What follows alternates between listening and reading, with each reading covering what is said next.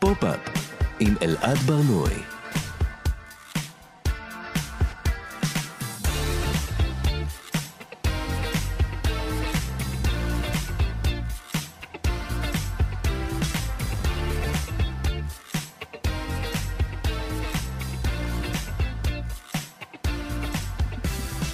שלום, כאן תרבות, אתם על פופ-אפ. כאן אנחנו מדברים על התרבות שמעניינת באמת, אנחנו בשידור חי ב-105.3 ו-104.9 FM, ניתן להזין לנו גם כהסכת, באתר של כאן, ביישומון של כאן, אה, ובכל מקום שבו אתם מאזינים לפודקאסטים. איתי באולפן, מפיקת התוכנית על ניסן, לצידה טכנאית השידור אלנה דיונוב, שלום לכן, על העריכת הגנום התרבותית אמיר צוברי. אני אלעד ברנוי, והיום, אה, לרגל התוכנית הראשונה שלנו לשנת 2024, אנחנו חוזרים לשנת 2004.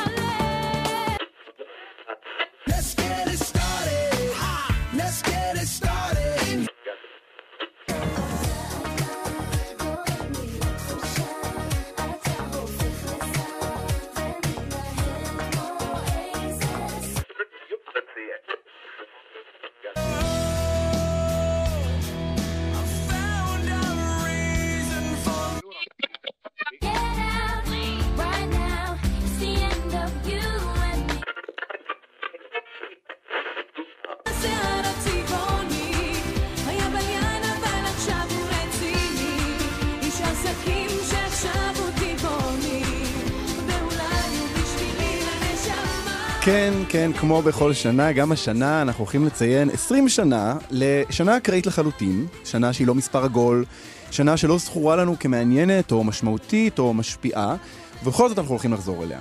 אנחנו נציין 20 שנה להקמתה של הרשת החברתית פייסבוק. פייסבוק הטובה והישנה, שנראית היום כמו אחותן הגדולה והשקולה של רשת איקס, טוויטר לשעבר, אה, וטיק טוק. אנחנו ננסה להבין באיזה אופן היא השפיעה עלינו כבר בזמן אמת, ואיך זה נראה מבעד ל-20 שנות היסטוריה.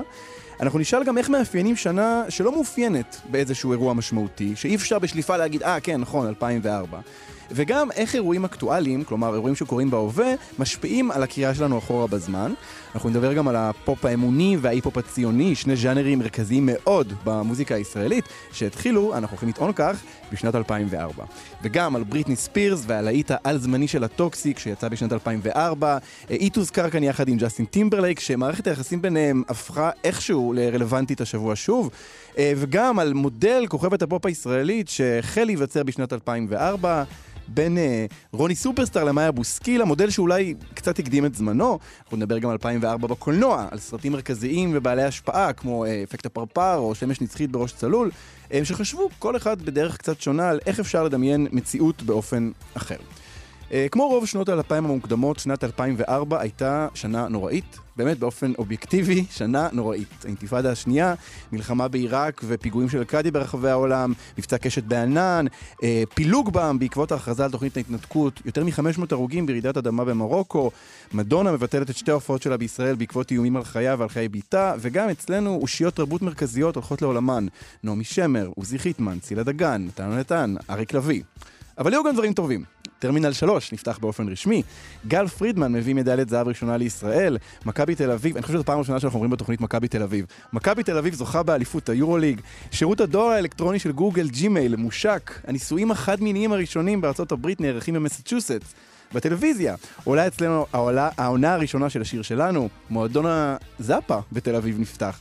הסרט מיליון דולר בייבי זוכה באוסקר, וקניה ווסט משחרר את אלבום, אלבום הבכורה שלו. אה, הוא לא לבד, אה, הרבה שירים טובים אה, יצאו בשנת 2004 בהיפ הופ, בפופ, ב-R&B, ואם אתם מאזינים, מאזינים לנו ברדיו, מה שאני ממליץ מאוד לעשות, אתם תשמעו גם כמה מהם. אז קדימה, שנת 2004, 20 שנה, בואו נתחיל. הגנום התרבותי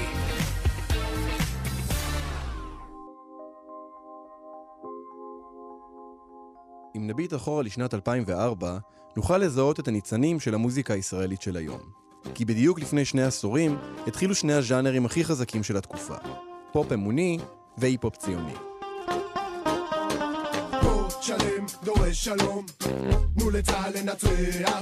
היפ-הופ ציוני, לפעמים לאומני, הוא ז'אנר מרכזי במוזיקה הישראלית. בחודשים האחרונים, בעקבות 7 באוקטובר, הוא הגיע לגאות חסרת תקדים. איזי, נס וסטילה, שרק, סטטיק, גם סבלימינל והצל, כולם שחררו שירי מלחמה קרביים שעוסקים באופן ישיר בלחימה בעזה וברוח צה"ל. באופן מעניין, נראה שלפני 20 שנה בדיוק נשתלו הזרעים הראשונים של הדבר הזה. 2004 הייתה שנה קשה בישראל. האינתיפאדה השנייה עוד בשיאה, פיגועי טרור רצחניים ברחבי הארץ וההחלטה על ההתנתקות מביאה לפילוג קשה בציבור הישראלי. זירת ההיפ-הופ המקומית, שכללה פחות או יותר שני הרכבים, משפחת טקט ולהקת הדג נחש, הגיבה למצב בשני להיטים עצומים. הראשון הוא שירת הסטיקר של הדג נחש. שיר שכתב הסופר דוד גרוסמן, שדרך חיבור של סלוגנים מסטיקרים, מעביר ביקורת על השיח הפוליטי האלים בישראל. ומצידה השני של המפה הפוליטית, פרחים בקנה של סבלימינל והצל.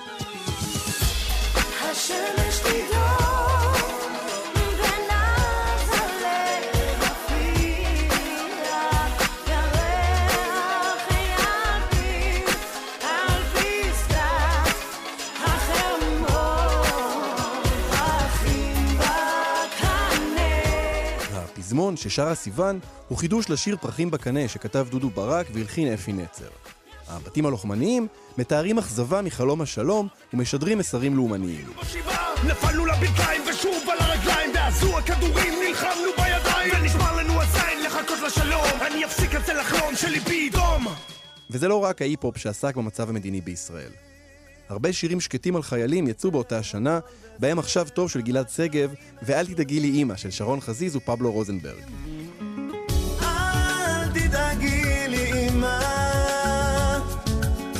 הכל שטויות בחדשות. מעניין להקביל בינו ובין השיר "אל תדאגי אימא" של יונתן קלימי, שיצא בנובמבר האחרון בעקבות המלחמה. אל תדאגי ותזכרי לשמוח הרבה. תבטיחי לי שתבחרי בחיים, גם כשיהיה לך קשה. בעוד שהראשון הוא שיר של חייל שמרגיע את אמו, השני מסופר מנקודת מבטו של חייל שמת בקרב. אגב, להבדיל, ב-2004 זכה בעונה השנייה של כוכב נולד אראל מויאל, מי שיוציא כמה חודשים לאחר מכן את הלהיט אמצע הלילה בכפר, שנכתב מנקודת מבטו של חייל קרבי. מעין אב טיפוס לכאב של לוחמים של עידן עמדי.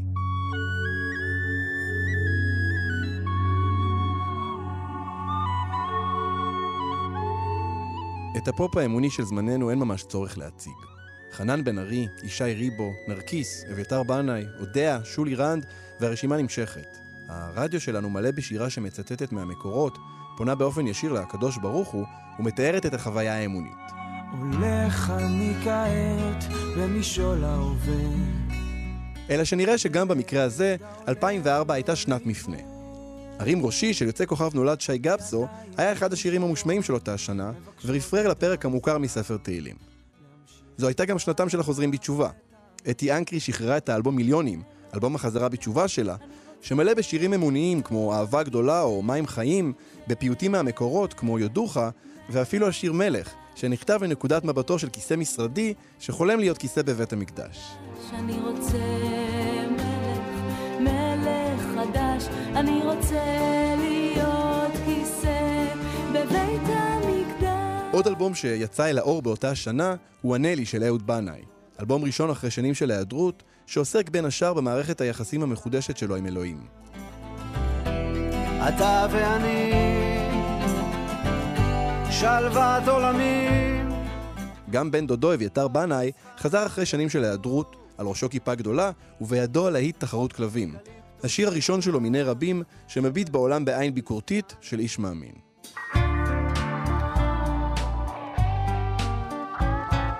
עשרים שנה חלפו מאז, ונראה שהדברים נותרו די דומים, רק בווליום מוגבר. במקום פרחים בקנה, חרבו דרבו. במקום אהבה גדולה, עם הנצח לא מפחד מדרך ארוכה. במקום שניים שלושה לעיתים וכמה אלבומים, ז'אנרים מרכזיים שקשה לדמיין את הפופ הישראלי בלעדיהם. מעניין לדמיין איך ייראה הפופ הישראלי בעוד 20 שנה, ביחס לעכשיו ובתגובה למצב הפוליטי העתידי בישראל. ובמחשבה שנייה, אולי זה קצת מפחיד. תגיד לי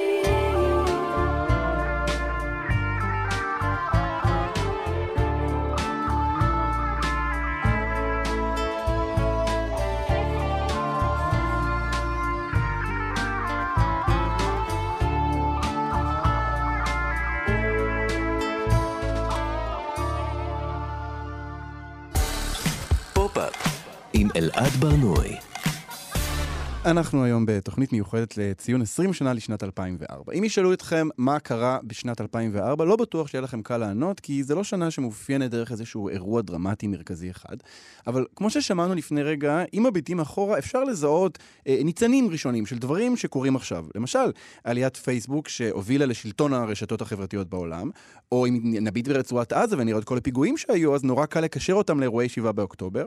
אבל יכול להיות שכל קריאה היסטורית אנחנו עושים תמיד לאור ההווה, אנחנו ננסה להבין רגע איך עושים קריאה היסטורית אה, בשנת 2000, ו- לשנת 2004 ושנת 2024.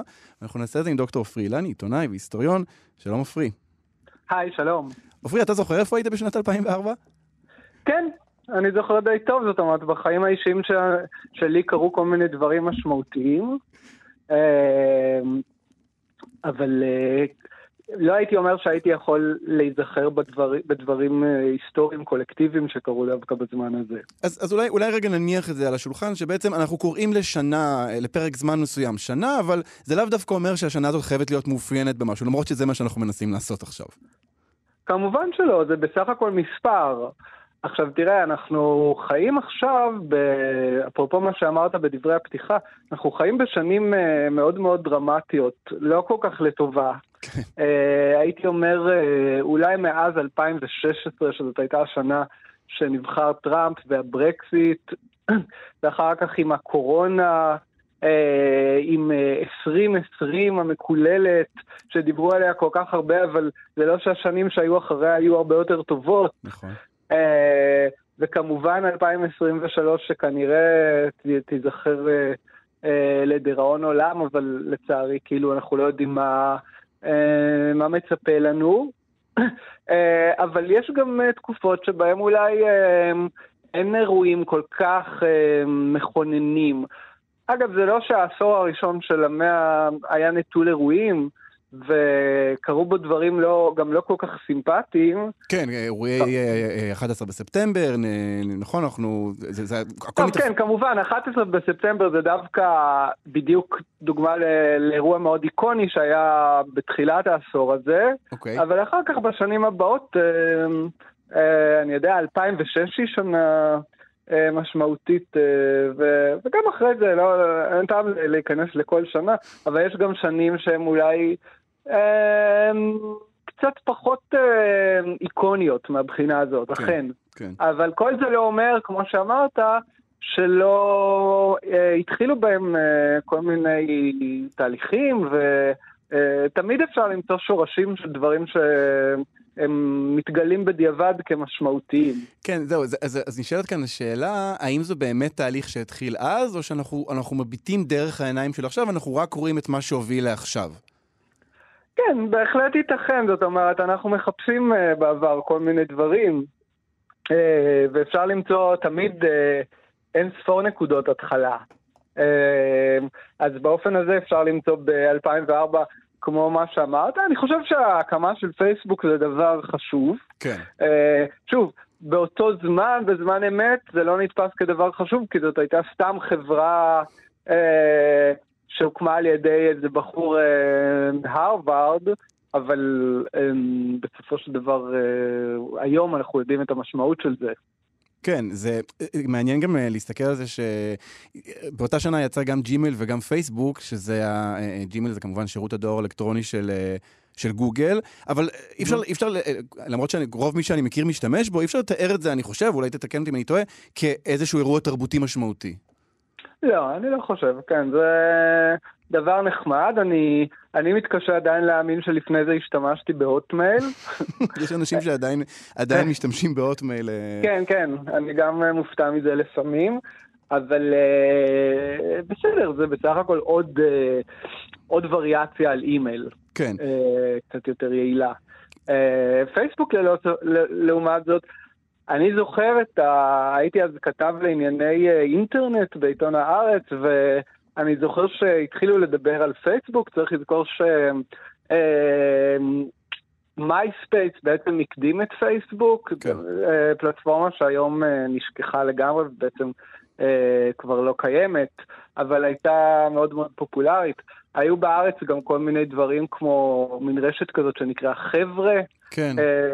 כן, זהו, זה מצחיק לחשוב על זה עכשיו, אבל די הרבה אנשים היו בזה, היה שוקס, שזה גם היה משהו ישראלי, וכמובן היו דברים לא ישראלים. אבל, אבל איך, איך נגיד סיקרת את תחילתה של פייסבוק? כלומר, לא, בטח לא הייתה הבנה של מה זה הולך להיות, אבל איך זה נראה אז? אני לא סיקרתי את זה, זה לא היה נראה לי עד כדי כך משמעותי. לאט לאט התחילו לדבר על רשתות חברתיות, על uh, Web 2, כל ה... היה כאילו את הרעיון של ה-Web 1 ו-Web 2, ה-Web 2 שזה מה שכולל uh, תוכן שהגולשים עצמם מייצרים.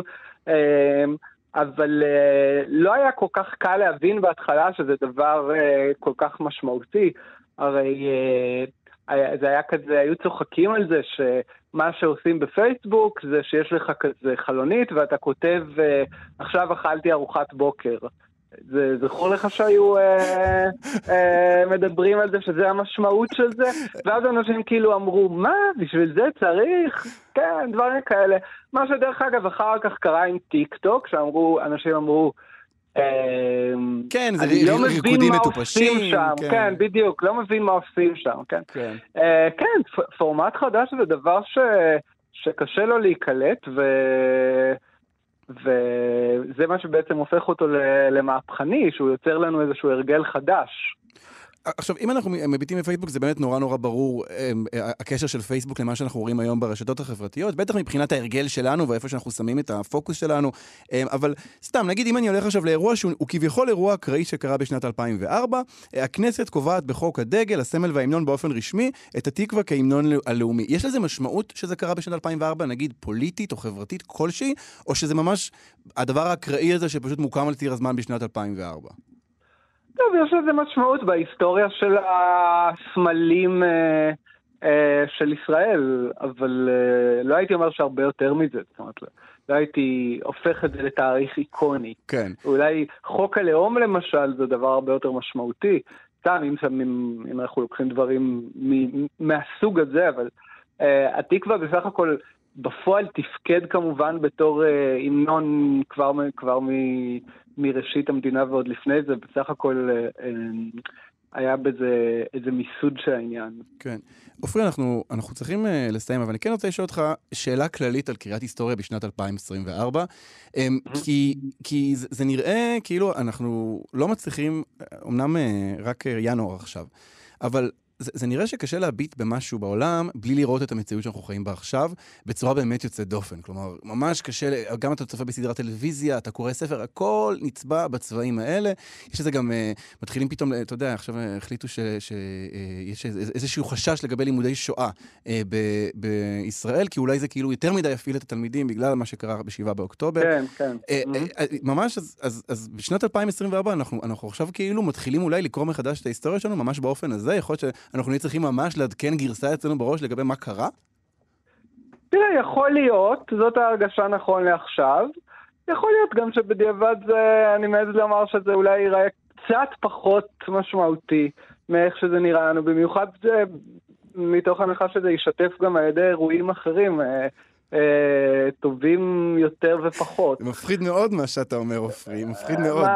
כן, מה אפשר לעשות? אבל אם אנחנו לוקחים את אה, נפילת הגוש הקומוניסטי למשל, 1989 או, או 91, לא כל כך משנה, אה, יכול להיות שבפרספקטיבה זה נראה למשל קצת פחות משמעותי, למרות שזה היה אירוע של לכאורה סיים את המאה ה-20 באופן כן. חד משמעי, אבל עכשיו כשברוסיה שוב יש משטר, בעצם שוב יש מסך ברזל, אז יש כאלה שאומרים שאולי בעצם לא קרה כל כך הרבה לגבי 11 בספטמבר, גם אפשר להתווכח אם זה דבר עד כדי כך גדול. הפרספקטיבה כל הזמן משתנה. וככה אירועים אה, אה, אפשר לומר, מודגשים ומתעממים. כן, טוב, אני מקווה שהתקופה הזאת תשתף רק בדברים אה, חיוביים ככל האפשר. דוקטור עופרי אילני, תודה רבה לך על השיחה הזאת. תודה רבה. ביי. עם אלעד ברנועי. אנחנו היום מציינים 20 שנה לשנת 2004, אה, שנה שבה יצא אחד השירים הכי טובים בהיסטוריה של הפופ, Toxic של בריטני ספירס. אה, באותה שנה, בהופעת המחצית של הסופרבול, ג'סטין טימברלייק חושף את שדה של ג'אנט ג'קסון בשידור חי, מה שמוביל לסערה גדולה ולשינוי תנאי השידור בטלוויזיה האמריקאית. איך האירועים האלה קשורים אחד לשני וגם לשנת 2024? איתנו איתי בן שמחון, מגיש ההסכת הברית החדשה וגם ההסכת זינוק לאתמול, אצלנו בכאן תרבות. שלום איתי. שלום אלעד.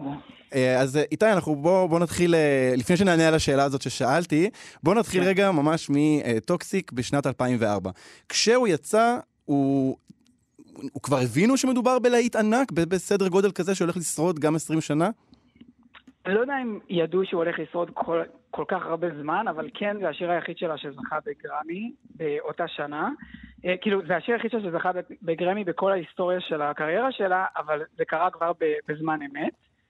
אמ, אני חושב ש Toxic, כאילו, הוא, הוא היה להיט, אבל כמו שאתה יודע, הוא סיים את השנה לא, ב, לא במקומות הראשונות, הראשונים במצעדים, הוא סיים כזה בארצות הברית במקום 48 לדעתי. כן, איך, איך, זה, איך זה יכול לקרות? אבל משהו קרה עם Toxic, ולדעתי זה כמו שתמיד אנשים יגידו לך, הרבה פעמים אנשים יגידו, כן, אני לא שומע מזרחית, אבל אני שומע את זוהר המלך. או אני שומע את, רק את שרית חדד, אין על שרית חדד, אבל אני לא שומע מזרחית. וכאילו, Toxic נהיה בעצם השרית חדד או הזוהר הרגוב של כל מי שלא אוהב פופ. אממ. אה, כי כאילו יש איזושהי הסכמה שזה שיר טוב, ותמיד זה מגיע במין כזה, לא, לא, זה שיר טוב. כאילו, גם אנשים שלא אוהבים פופ, גם אנשים שלא אוהבים את בריטני, יש להם איזשהו... אה, מותר להם לאהוב את Toxic. נתנו להם איזשהו אישור, כי זה שיר טוב, כי זה שיר יותר טוב מהשירים האחרים שלה, לפי התפיסה הרווחת. אה, לדעתי זה כאילו גם שילוב גם של קליפ, זאת אומרת, יש לזה קליפ מאוד, עד, עד היום אה, אנשים בארצות הברית מתחפשים כזה לדיילת, שזה מהקליפ של Toxic. כן. זה פשוט, והכינורות כמובן, שזה כאילו הכינורות שיש שם בהתחלה, אה, שתוך שנייה אתה יודע איזה שיר זה, שזה גם נוסחה לשיר פופ שזוכרים כזה אחרי מלא שנים. אה, וגם הגרמי, לדעתי, כאילו, לא שאנשים חיכו לראות אם זה זוכה בגרמי, אבל לדעתי יש פה קשר לזה שכזה, זה קיבל אישור של איכות. זאת אומרת, גם אם אתה לא אוהב טראש או פופ, אתה אוהב את Toxic. אממ. אתה חושב שזה השיר הכי טוב שלה? אה, לא, כאילו זה, זה שיר מעולה, אבל זה גם קצת נהיה אצל מעריצי בריטני או מעריצי פופ, זה קצת נהיה כזה, טוב, Toxic זה השיר של הסטרייטים, Toxic זה, זה השיר של מי שלא אוהב, כאילו אני אפילו יכול לשאול אנשים כזה, מה השיר האהוב עליך של בריטני?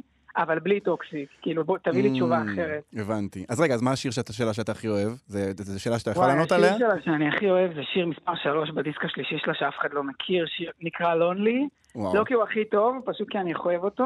לדעתי השיר הכי טוב שלה זה Slave for You שפרל וויליאמס הפיק. אוקיי, אוקיי, תשובה מפורטת. כן. אמ, איתי, השנה הזאת, שנת 2004, היא זוכה בגרמי, היא גם מתחתנת. זה, בריטני שם נמצאת במקום טוב? אה, היום אחרי שאנחנו קוראים את הספר שלה, את הביוגרפיה שלה, אנחנו יודעים שלא, ברמה האישית, אבל כלפי חוץ זה היה שיא הקריירה שלה, יש לה דואט עם מדונה, יש לה סיבוב הופעות סופר מצליח, זה אלבום שיחסית גם המבקרים אהבו, יש לה שליטה כביכול יצירתית על, על האלבום, כן, כביכול היא בשיא, מקצועית, בקריירה. וברמה האישית? ברמה האישית אנחנו כבר יודעים שהיא כזה גרה לבד בניו יורק, היא לא בקשר עם המשפחה שלה, אמ, אבא שלה מתחיל לעשות את הצעדים הראשונים כדי להשתלט לה על החיים. אה, התקשורת שונאת אותה אה, בארצות הברית, אה, כאילו היא מתחילה לקבל כזה יותר ביקורת מפעם, ראיונות יותר חושפניים, שיותר יותר נכנסים לה כזה לחיים ומבקרים אותה יותר מבעבר. ונראה לי כזה, היא בעיקר מספרת שהיא הייתה לבד מאוד בתקופה הזאת. זה בעצם תחילת הדעיכה שלה באיזשהו אופן מבחינה, מבחינת כן. הפרסונה ואיך שהיא מסוכרת. כן. האלבום הבא שלה, הפעם הציבורית הבאה שלה זה כבר כאילו... זה, זה Gimme More, זה, זה כבר ההופעה מה-VMA ש... שכולם זוכרים כמה גרועה היא הייתה. כן. אה, אני רוצה רגע שנשמע אה, טעימה משיר uh, חדש של ג'סטין טימברלייק, אה, שיצא אה, ממש עכשיו, קוראים לו Selfish. בוא נשמע.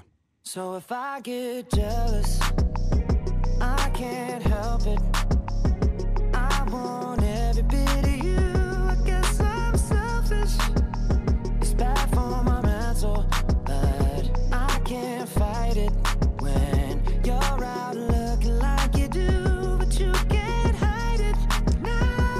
אנחנו עוד רגע נסביר למה אנחנו שומעים אותו, אה, אבל אה, ת, תחזיקו איתנו רגע, אנחנו נשמע עוד קטע מאוד שיר, גם לא קוראים סלפיש, וזה הפעם סלפיש של בריטני ספירס.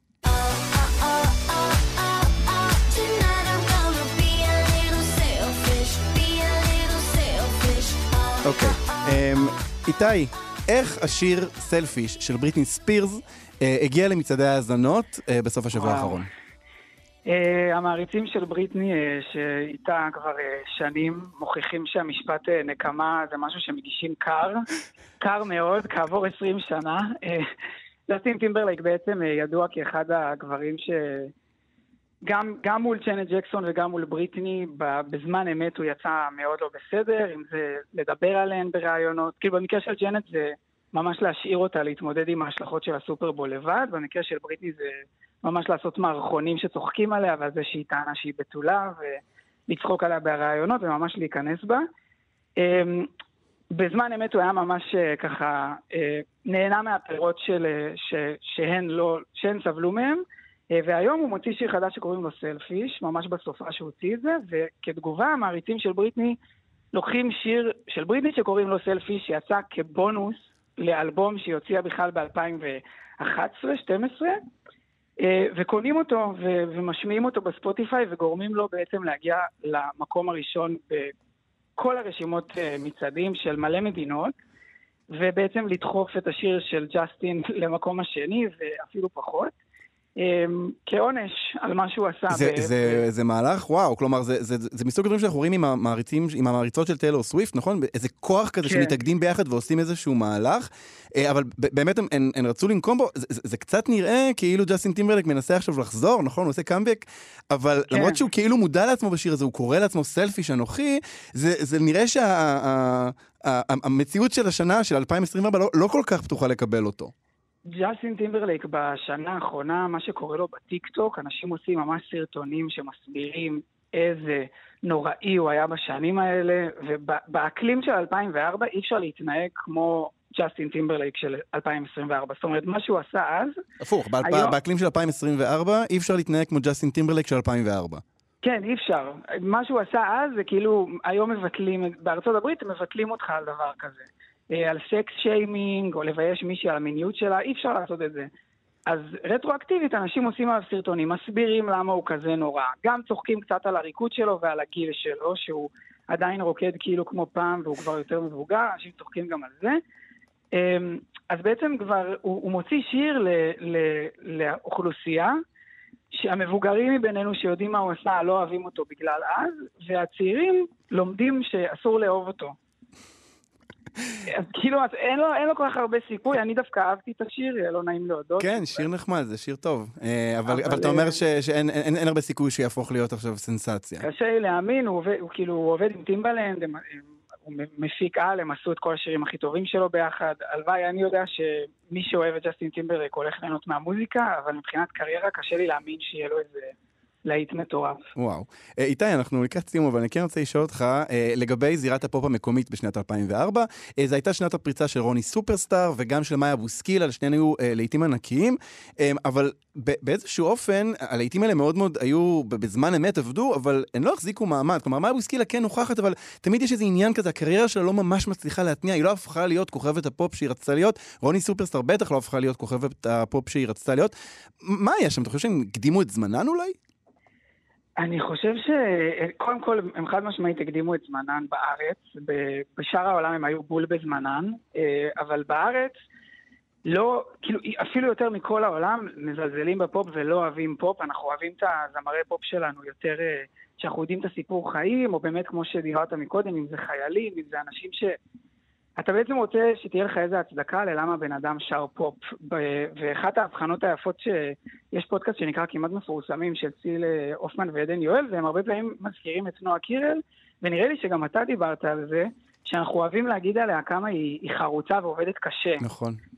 אמ, ובעצם אנחנו, כאילו בשום מקום אחר לא, לא התגאו בכוכבת פופ שהיא כל כך אה, עובדת קשה, כי אנחנו רוצים שהמוזיקה תהיה טובה וכיפית בשאר העולם. אה, אבל בארץ לא אוהבים את זה, וכל ניסיון שהיה פה לא, לא כזה צלח, עד כמובן סטטיק ובן אל ונועה קירל, כבר אנחנו יותר אוהבים, כאילו, משהו גם, גם במפיקים, משהו ב... יש יותר זוהר היום לפופ. אה, אתה יודע מי מפיק את השירים, אתה, גם יש את הקליפים, אז זה פשוט לא עבד. כן. כן, טוב, אה, אה, גם- זה, כן. זה, זה גם מעניין להביט בזה עכשיו, ש, ש, שפתאום עכשיו זה נראה שמחדש אין הצדקה לפופ שהוא לא, נכון. אה, אה, אה, יש בו איזושהי אמירה או איזשהו קשר למשהו, זה באמת, אה, אה, קצת, קצת, קצת יצא, יצא יכולת ליהנות מ, מסתם אה, פופ, אה, אבל טוב, לגמרי. אני מקווה שזה איכשהו יחזור אלינו. איתי בן שמחון, תודה רבה לך על השיחה הזאת. תודה רבה, אלעד. פופ-אפ עם אלעד ברנועי. אנחנו מציינים היום 20 שנה לשנת 2004. אה, אם נבדוק מה היו הסרטים הכי מצליחים של שנת 2004, אנחנו נראה שני סרטי המשך, שרק 2 והארי פוטר והאסיר מאזקבאן. אה, יצאו עוד כמה סרטים משמעותיים באותה שנה, כמו שמש נצחית בראש צלול, ילדות רעות, סרט שאנחנו נדון בו ארוכות במהלך השנה, אה, ועוד סרטים אחרים. אנחנו ננסה עכשיו בכל זאת לאפיין את שנת 2004 בקולנוע, ואנחנו נעשה את זה עם נעמה רק, מבקרת קולנוע בוואלה. שלום נעמה. שלום, שלום. נעמה, אם את מסתכלת עכשיו על רשימת הסרטים של שנת 2004, זו, זו שנה משמעותית לקולנוע, או עוד שנה אחת מבין רבות? אה, לא שנה משמעותית, שנה מאוד כאוטית בעיקר. אה, כאילו אני מסתכלת, וזה מין כזה שאריות של אה, טרנדים וז'אנרים שממש הולכים להימחק בשנים הבאות, ופתאום כזה עלייה של דברים חדשים שפתאום נהיים יותר ברורים, כזה מגמות שמתחזקות. מלא מלא קומדיות, לקומדיות זאת שנה ממש טובה. אה, אבל לכל הז'אנרים האחרים זה מין כזה... זה שנה של סרטים מוזרים, באמת. סרטים ביזאריים ומטורללים של, שילדים לוקחים בספריית וידאו ב-DVD כזה. אוקיי, אז אני, אני אזכיר כמה מה, מהסרטים האלה. היום שאחרי מחר, סרט אסונות אפי כזה, גם טרויה, שהוא סרט מלחמה אפי כזה, זה גם שרידים של ז'אנרים שגוועים? חד משמעית. זה ממש, זה דוגמאות אה, אה, מאוד טובות לזה, כי אני חושבת שזה כזה, בשנות ה-90, סרטי אסונות זה ממש היה כאילו הדבר, כי פתאום היו אפקטים שמאפשרים לעשות הרס בצורה ממש מרשימה. ואז היה 9-11, ופשוט אנשים לא רצו לראות את זה יותר. כי פשוט המציאות הפכה לאסון, אז אה, פת... לא, לא, לא כן, רוצים לראות את זה על המסך. כאילו ראינו סרט אסונות, גם אה, ז'יז'ה כתב על זה פעם, ש, שפשוט אנשים לא רצו יותר לראות בניינים מתמוטטים, כי הם פשוט ראו איך זה נראה באמת, וזה לא נראה ככה. את, את מדברת זה על סבוי ז'יז'ק. נכון? ועל אה, ברוכים כן. הבאים למדבר של הממשי. כלומר, זה בדיוק. שראינו את הספקטקל הטלוויזיוני הנוראי הזה, ואנחנו, וזה הספיק לנו. זה גם הספיק לנו, וגם אנחנו יודעים שלא ככה זה נראה. Mm. כאילו, זה מאוד קשה להתרכז ב"הבניין נשבר לשניים" בצורה מצחיקה, שאתה יודע איך בניין נראה כשהוא מתמוטט, וזה לא ככה. ואתה חושב על כל הילדים שנמצאים למטה, והמשפחות שלהם מתפרקות, כזה, זה פשוט לא כיף. ומה שהיום, שאחרי מחר עושה, הוא כאילו עוקף שם קצת את הקטע הזה של, הנה, אתם מדברים כל הזמן על כאילו ההתחממות הגלובלית, אז לא רק שאני אעשה סרט אסונות, אתם גם תרגישו שזה כאילו חינוכי. שאני מעביר לכם מסר אה, חשוב Mm. על איכות הסביבה, למרות שזה הסרט עם המדע הכי כאילו חרטוט, שיכול להיות שום קשר לעולם כזה, ואז יום אחד פשוט כל העולם מתפרק ואנחנו נעבור לעידן הקרח מהיום למחר, כי ככה זה עובד. אה, אז זה ממש דוגמה טובה, וטרויה זה כאילו עוד ניסיון, לה... כאילו אנשים אמרו, וואו, שר הטבעות ממש הצליח, אנשים רוצים לראות שוב אפוסים, והם לא באמת רצו, כאילו טרויה זה היה פעם אחרונה כזה שהדבר הזה עבד. Mm. עכשיו, הסרט שזכה באוסקר נכון. זה מיליון דולר בייבי. נכון. אה, מה- כאילו, באוסקר של הסרטים של 2004, כאילו כן. שר הטבעות בשנה לפני, אז בכלל יש פה מעבר. אז מה זה אומר לנו? זה סרט אה, מיליון דולר, אה, זה סרט די מדכא צריך לומר, ולא סרט כזה שקהל רחב נהנה ממנו בצפייה משותפת כמו האפוסים האלה שהיו לפני. כן, נכון, זה, זה קצת, אה, זה מאוד היה סרט, אה, אני זוכרת בזמן אמת שזה היה סרט איבנט, כאילו היה בו משהו איקוני, למרות שהוא היה סרט קטן יחסית במהות שלו, ואני חושבת שזה מתחבר קצת לקטע הזה של סרטי DVD כזה, של כאילו, מה שהיה הכי חשוב באותה תקופה זה לא הספקטקל המרשים, אלא כזה סיפורים שאנשים היו מספרים אחד לשני כזה. שזה כאילו אמנם מיליון דולר בייבי ואפקט הפרפר, זה סוגים שונים לחלוטין של סרטים, כאילו אחד כזה איכותי זוכה פרסים, השני פחות, אבל זה שניהם סרטים של כזה, oh my god, אתה חייב לראות את הסצנה הזאת שקורה הדבר המזעזע הזה והזה. שבשני הסרטים ממש יש בהם את ה centerpieceות של הסצנה המזעזעת של, ואז אתה לא תאמין מה קורה. אז, אה, אז הזכרת את אפקט הפרפר, אה, זה סרט אה, שבכיכובו של אשטון קוצ'ר, אה, והוא הוא מתאר, הוא, הוא נשען על תורת הכאוס ועל זה שאירוע אחד קטן, אין לנו דרך לדעת איך הוא הולך להשפיע על העתיד, כי הוא פותח בשרשרת של אירועים, נכון? אה, משק כן. כנפי פרפר באוסטרליה יכול לגרום לטורנדו בצידו השני של העולם, והסרט מנסה לדמיין את הדבר הזה. זה סרט ש... תקני אותי אם אני טועה, אבל די לעגו לו בזמן אמת.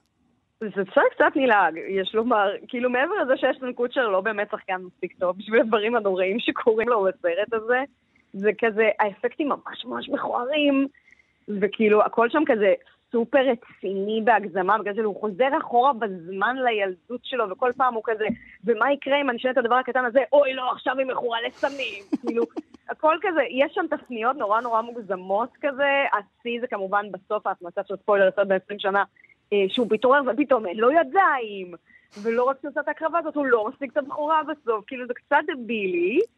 אה, ושם היה גם את האלמנט הזה שנהיה יותר חזק, כאילו, ככל שנכנסים לעידן DVD, של סופים אלטרנטיביים, שזה גם היה נורא Mm. חזק בהקשר של אפקט הפרפר, כי הבמאי, היה לו סוף אחר שהוא רצה ולא אישרו לו את זה, והוא הכניס את זה ב-DVD, וזה נהיה פתאום קטע כזה של קהל של, אתם יודעים שבמקור, מה שהיה זה ככה זה ככה.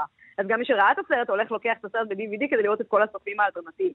זה, לבמאי קוראים גרובר, אבל רגע, הסוף האלטרנטיבי הוא, הוא, הוא, מה, מה, הוא, הוא טוב יותר? הוא הוא- מחליט לא להיוולד. אה, וואו, אוקיי, טוב.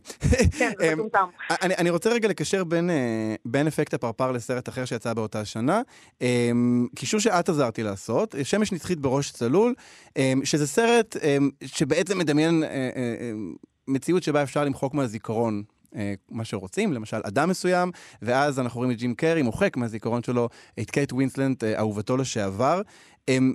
למה הסרטים האלה קשורים בעינייך, נעמה?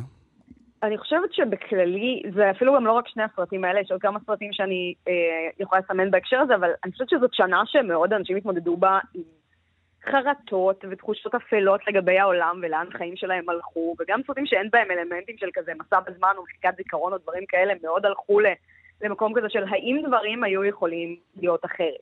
האם אני הייתי יכול להיות אחר וזה היה משנה את התוצאות. אה, שזה באמת די... כאילו, זה כמעט קלישאה להגיד 9-11, אבל זה לא יכול להיות לא קשור. כמו שבשנים אחרי הקורונה, כן. פתאום אנחנו רואים מלא מלא סרטים של לולאות זמן, ועוד שאלה של what if, ואם אפשר לתקן את הדברים. ואני חושבת שעד כמה שהם עושים את זה בדרכים שונות, שני הסרטים האלה מאוד מייצגים כאילו את התחושות שלהרבה אנשים היו. זה לא שזה... כל הבמאים קמו בבוקר ואמרו, אני אעשה סרט על אנשים שמתחרטים ומסתכלים לאחור במרירות, אבל הדברים האלה נשארו עם אנשים יותר מאשר בשנים אחרות. כלומר, המציאות הקשוחה שהייתה באותה שנים, אה, אנחנו מדברים על שלוש שנים אחרי 9-11, שנתיים וקצת אחרי 9-11 זה התחיל, זה בעצם המספיק זמן בשביל שבאמת הפקות גדולות יוכלו לקרות. אה, מישל גונדרי, הבמאי של אה, שמש נצחית בראש צלול, כלומר, הוא יכול מאוד להיות שהוא הושפע מהרעיון הזה של מה היה אם היה אפשר לשכוח את כל מה שקרה. ואני רוצה להגיד לך, אנחנו לקראת סיום נעמה, אבל בשנת 2024 זה, זה, זה גם נראה כאילו...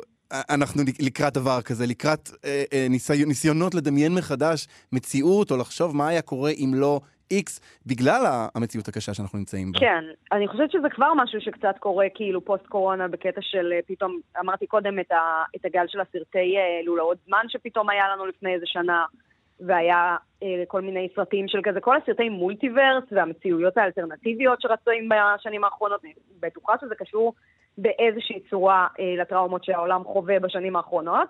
אה, אנחנו חד משמעית הולכים לראות את זה כאילו עוד שנתיים שלוש לדעתי בקולנוע הישראלי, כשאנשים התחילו להתמודד עם השנה הנוראית שעברה עלינו. וזה פשוט, אה, כן, לא, החיים לא נעשים יותר פשוטים עם הזמן. כן, טוב, אנחנו כל פעם, אה, אה, אנחנו, זה, זה די מדהים היכולת הזאת לחזור 20 שנה אחורה ולהצליח גם לראות שזו הייתה, שנה די מסויטת וגם להצליח באיזשהו אופן מוזר להתגעגע אליה, אבל אני מניח, מניח שזה פשוט המציאות שאנחנו חיים בה פה בשנת 2024.